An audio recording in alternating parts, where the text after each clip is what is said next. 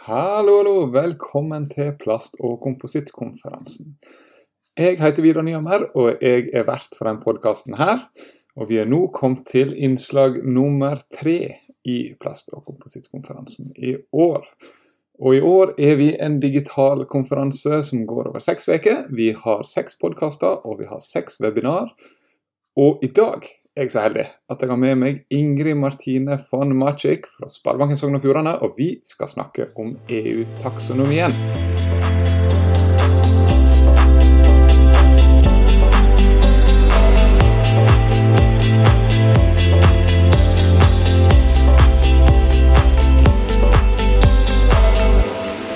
Ingrid, du er med meg i episoden i dag.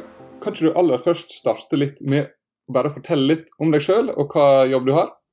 Jo, det kan jeg. Eh, først og fremst takk for at jeg får lov til å komme og være med her i dag. Det er veldig kjekt. Eh, jeg heter som sagt Ingrid Martine. Førdianer, født og oppvokst der.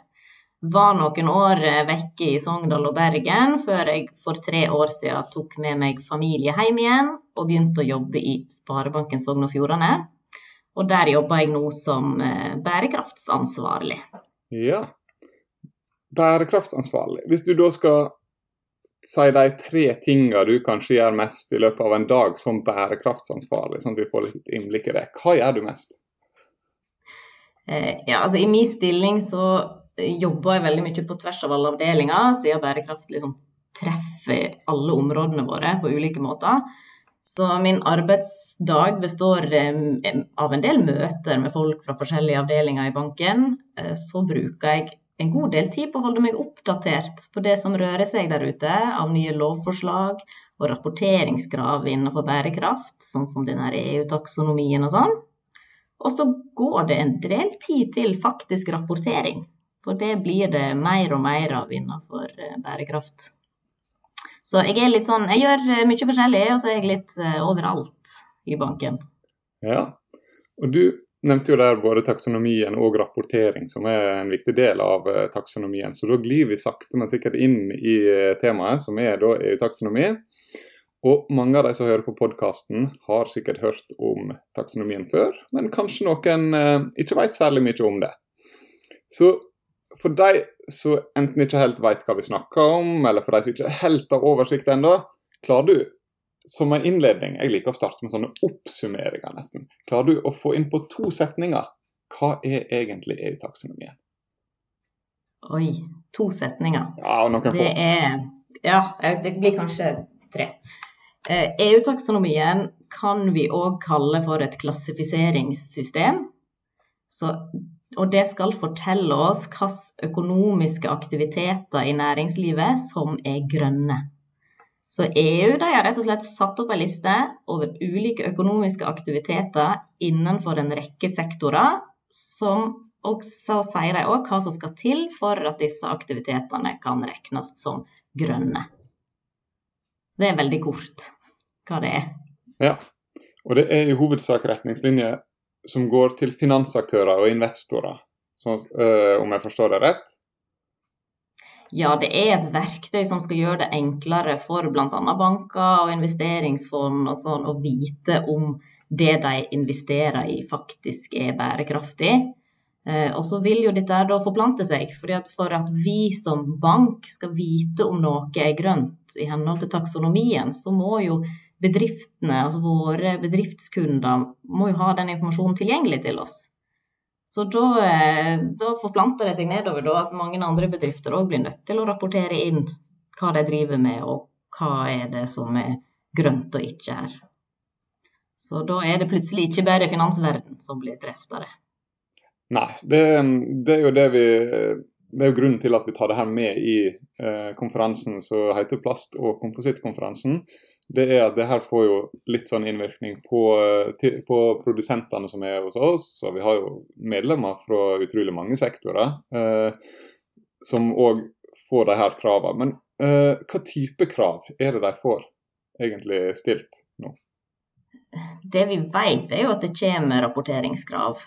Um, og så vet vi òg at ute i EU nå så er taksonomien gjeldende allerede. Og der skal bedrifter begynne å rapportere allerede fra 1.1.2022. Her i Norge så ble det lagt fram et lovforslag om bærekraftfinans nå i juni, som skal behandles i høst. Og målet med den lova er jo nettopp å få gjennomført taksonomien og noe som heter offentliggjøringsforordningen, som da henger i hop med taksonomien her i Norge. Eh, for taksonomien er jo bare en del av et større regelsett som kommer, og der taksonomien er selve hjertet, da. Og den legger opplysningsplikt på en rekke foretak. Eh, og så har du noe som heter offentliggjøringsforordningen, som pålegger finansforetak, banker, eh, investeringsforetak og sånn konkrete opplysningsforpliktelser da, rundt bærekraft. Så det er, ja, kort oppsummert, det er rapporteringskrav som vi vet kommer. Ja, og når vi vet at de kommer, vet vi noe om tid de kommer?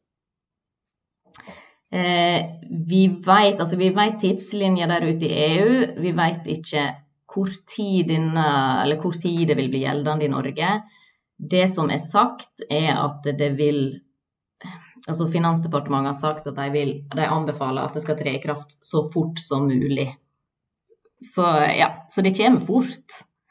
Men eh, vi har ikke fått noen datoer. Og fort er jo absolutt relativt når det gjelder å lage nye lover. Nå i covid-tida så har vi jo erfart at det kan gå veldig fort. Så det er noe lurt å gjøre, vil jeg si, sånn som mange NCMT-bedrifter allerede har starta å gjøre. At en går tilbake i produkter og materialer sin produksjonsreise og skaffer informasjon. Ja, rett og slett kartlegge litt. Det her er jo sagt å være noe som EU prøver å gjøre for å dreie pengestrømmene fra aktivitet som ikke er miljøvennlig, og inn i bedrifter og industrier som satser på bærekraft og satser på å redusere CO2-utslipp. Hvor godt syns du det her verktøyet virker å være? Eh, jeg eh, er jo blitt veldig glad i taksonomien. Eh, først hørte om det, så tenkte jeg at et ord jeg aldri kommer til å lære meg. Taksonomi, det var vanskelig ord. Men jeg syns det er et godt verktøy, for vi får jo her et noe som kan fortelle oss hva er det som er regna som grønt og ikke. Og det har vært en diskusjon lenge når eh, bedrifter er ute og markedsfører seg som bærekraftige og grønne. Så det er sånn, ja, men er det egentlig det, eller det driver vi med grønnvasking? Eh, som da er å markedsføre seg som grønnere enn det man egentlig er. Så her får man jo ja, som sagt et verktøy som klassifiserer det veldig enkelt. Det er veldig detaljert. Dette er det som skal til. Er du ikke innafor her, så er du ikke grønn. Og da kan ikke, da kan ikke vi som bank si at ja, i denne bedriften her så har vi investert eh, i det grønne, for det matcher seg. Så, eh, ja, for det er jo et lite sånn eh, noe som dere òg blir opptatt av etter hvert, at banken så dere investerer, altså, dere investerer som bank i bedrifter, og da må de egentlig ha en ganske grønn profil for at dere ønsker å investere i dem. Både ut ifra retningslinjer og ut ifra litt sånn her image-trenden i tida osv. Det som er forventa. Ja, det er det som er en del av målet med denne taksonomien fra EU. Eh, at sånn kan de da flytte pengene. Fordi at EU har jo store mål, eh, klimamål de skal kutte 55% av utslippene sine innen 2030. Og da er de jo avhengig av at vi på privatmarkedene òg er med. Så det er jo det som er målet. Nå skal det skal bli attraktivt å plassere pengene sine i det grønne, og ikke i det som ikke er grønt. Over til litt annet nå. I forhold til ordet EU-taksonomi, så er det jo EU. Og vi snakker om at det er EU som lager retningslinjene. Og Norge er jo ikke med i EU. Hvordan påvirker det her oss, og hvorfor påvirker det oss likevel? Nå i første omgang så vil det jo treffe de som handler med bedrifter i EU-land, for det første. Siden de eh, må i gang med å rapportere allerede fra 1.1.2022. Men så er det bestemt at dette skal inn i norsk rett. Det er vedtatt. Eh, og dette her er noe som en kaller en forordning, så det vil si at da skal det takast inn i norsk rett i sin helhet. Så det er ikke sånn at vi her hjemme kan gjøre noen justeringer på den taksonomien for at det skal passe bedre til markedet her i Norge. Den må vi ta inn sånn som den er nå. Eh, og eh, ja, som jeg nevnte tidligere, så kom det jo en lov, et forslag til en ny lov om bærekraftig finans nå i juni. Og den skal, den skal behandles allerede nå i høst. Så ja, så det treffer oss absolutt, selv om vi ikke er medlem av EU. Og så er det vel da sånn at de som eh, da handler med utlandet, som er en ganske stor andel av NCMT-bedriftene, enten kjøper eller selger, de eh, vil jo ha disse kravene over seg allerede nå, mens de andre vil få dem ganske fort. Um, I NCMT så er vi innen polymer- og komposittbransjen, og rundt sånn 75-80% av bedriftene våre er små eller mellomstore bedrifter. Men vi har en del store bedrifter òg. Eh, vi har produksjonsbedrifter, leverandører, salgsledd, investorer og andre klynger vår.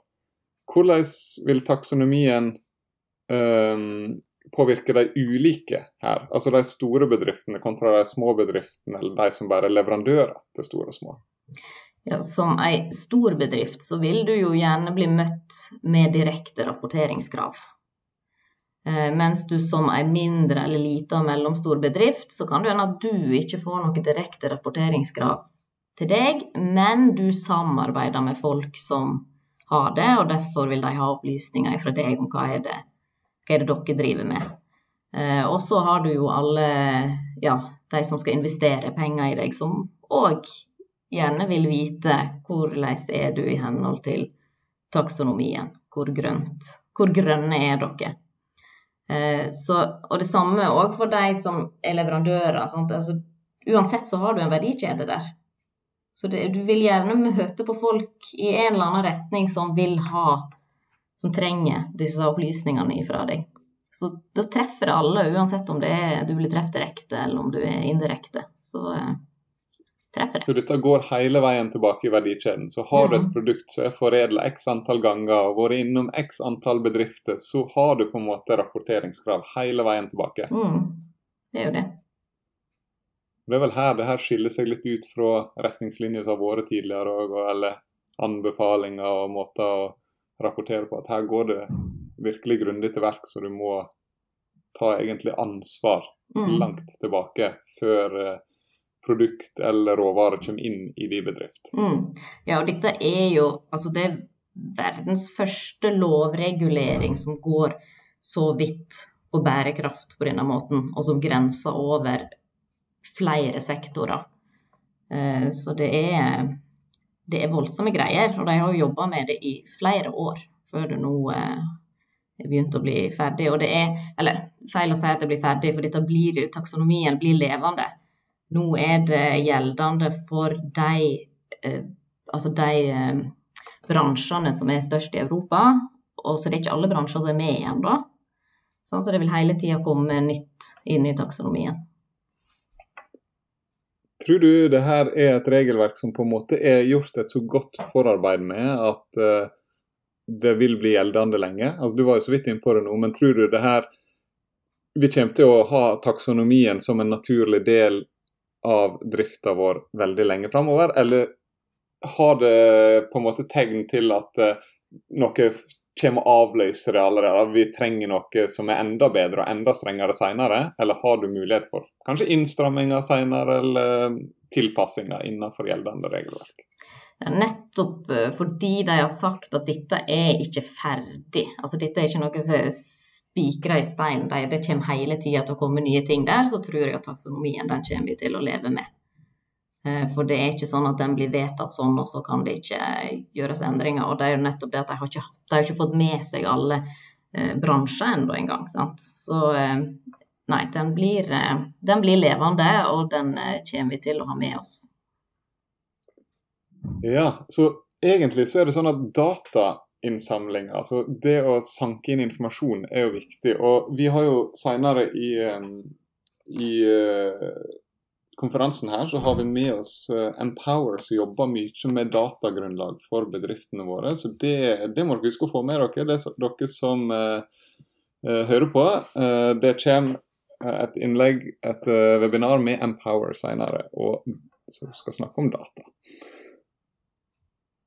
Nå var vi så vidt innpå i stad, Ingrid. Um, det med det internasjonale markedet kontra det nasjonale markedet. Uh, hvis en bare har kunder utelukkende i Norge, da. Uh, er det stor forskjell på uh, de bedriftene som har kunder bare i Norge, og de som har en internasjonal marked? Altså på rapporteringa? Ja, altså De som handler utelukkende med bedrifter, f.eks., de vil jo gjerne få spørsmål fra flere hold enn de som selger direkte til forbrukere, f.eks. For og så er det litt som vi har nevnt tidligere, de som handler med masse med bedrifter ute i EU-land, de vil nok merke etterspørselen etter disse opplysningene før de som bare handler med norske bedrifter. Og så må vi jo ikke glemme heller at forbrukeren på gata han begynner jo òg å lete mer etter informasjon om hva produkt de kjøper. Og eh, er det mulig å finne informasjon om hvordan dette er produsert, og hvor kommer råvarene ifra, og hvor grønt er det. Så det er jo heller ikke bare leverandører og eh, sånn som stiller spørsmål. Nei, det er jo Altså, forbrukerne begynner å bli mer bevisste nå. Mm -hmm. um, og det er jo et veldig godt tegn på at uh, det skjer endringer i samfunnet. Og det er de trendene vi ser både, både B2B og til, uh, uh, til direkte til forbruker, at en ser større fokus på bærekraft. Og det, Nå ble det jo noe helt annet jeg skal spørre om, da, men har du, har du som forbruker gått Eh, gått inn på en butikk og så har du uh, forhørt deg om uh, de klarer å skaffe informasjon i forhold til miljø, eller fotavtrykket, da, til et produkt. Har du prøvd det? Nei, jeg har aldri stilt spørsmål med de som står der i kassa fysisk foran meg. Det har jeg ikke. Men jeg har sendt mail til kundesenter og sånne ting for å spørre altså hva er hvor kommer de fra, og eh, hvordan er dere på bærekraft? Det har jeg gjort. Jeg har vært litt sånn den der, eh, Jeg gikk ut og skulle teste ut noe, var litt den her kjipe forbrukeren. For jeg skulle teste ut det her om folk har uh, Helt ned i salgsleddet i butikkene mm. har uh, informasjon om historie til produktet eller uh, miljøavtrykket, fotavtrykket til produktet. Og jeg kan vel egentlig si at i det store og det hele så har ikke salgsleddet til forbruker noe særlig kunnskap Nei. om det her. Det, det, er jo veldig synd. Men det er jo, det er jo eh, Du må ikke kalle det at du var en kjip kunde, for det er jo bare det er supre sånne kunder vi må ha der ute.